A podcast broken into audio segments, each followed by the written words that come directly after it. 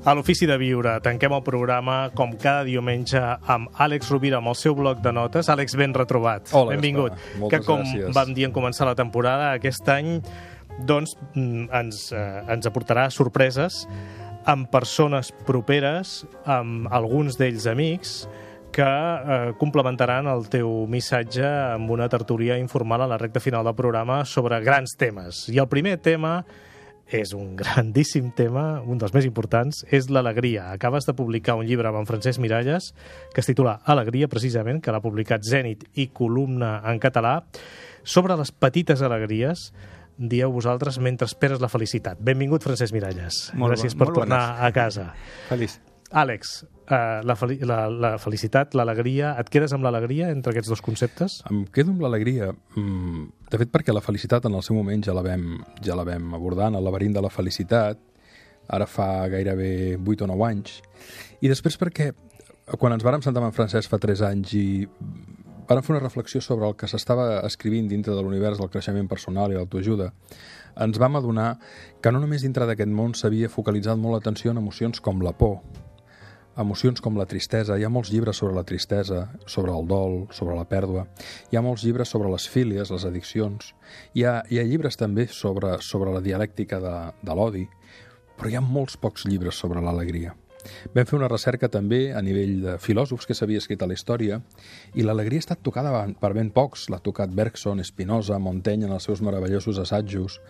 Um, l'ha tocat indirectament autors com, com Eric Fromm, el contemporani André Comte Esponville, però no han estat tantes les autores o els autors que han abordat l'alegria.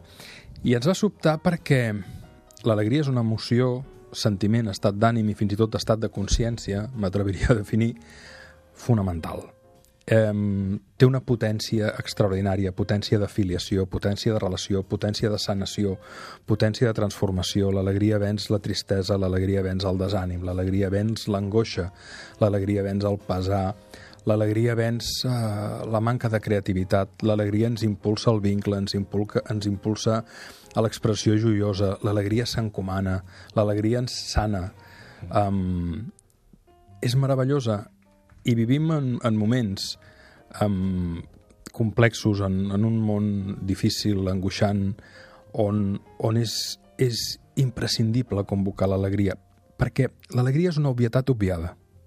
En realitat, si consultes el que s'ha escrit sobre l'alegria, gairebé tothom la defineix com una emoció. I és evident que és una emoció positiva i que ens mobilitza eh, integralment el pensament, el sentir i l'acció estan mobilitzades per l'alegria. Però jo diria que és el nostre estat natural i que precisament, com deia Perlbach, la dona que va guanyar el primer Premi Nobel de Literatura, sovint perdem les, ens perdem les petites alegries cercant la gran felicitat. Perquè en realitat som alegria. Som alegria sense objecte, però la que comencem... L'alegria està en el present. Fixa-t'hi que l'alegria projectada en el futur és l'esperança. I les cuites projectades en el futur ens generen l'angoixa. I en el passat hi ha també molta font de malalties. Però quan estàs en l'aquí ara en el present, un glob d'aigua et pot convocar l'alegria. I l'alegria t'envaeix, no necessita ser pensada. Si a tu et pregunten si ets feliç, tu has de rumiar. Però saps si, ets, si estàs alegre o no. I és tan bonica que vam considerar que valia la pena fer-li un assaig de 30 capítols que acaben amb invitacions a l'alegria, més un relat final que d'alguna manera pretén sintetitzar eh, de manera amable, a través d'un conte, el que diem en els 30 capítols, que més els plantegem en un format epistolar. Són cartes al, a la lectora i al lector. L'alegria és senzilla, directa i evident, escriviu. Ho traspassa tot i es troba a tot arreu. Surt a, a trobar-te de manera inesperada, et sorprèn, t'atrapa.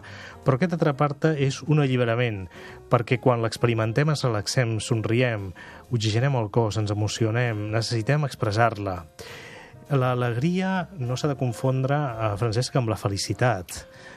Jo diria que la felicitat eh, pot ser una acumulació de petites alegries, però és un terme eh, molt més abstracte i, de fet, molts filòsofs s'han posat a parlar de felicitat i mai s'han posat d'acord, però tothom sap el que és una alegria perquè és una emoció o sentiment o sensació que és instantani. O sigui, tu pots, no pots saber exactament si el teu veí és feliç, però reconeixes una persona alegre de seguida. I tal com deia el meu estimat Àlex, l'alegria eh, la portem de naixement en el nostre disc dur com a éssers humans i això ho explicava molt bé Mario Satz, que és un risoterapeuta, que deia, fixa't que un nadó riu més que un nen un nen riu més que un adolescent, un adolescent riu més que un adult i un adult riu més que un ancià. Llavors diu, alguna cosa anem perdent pel camí.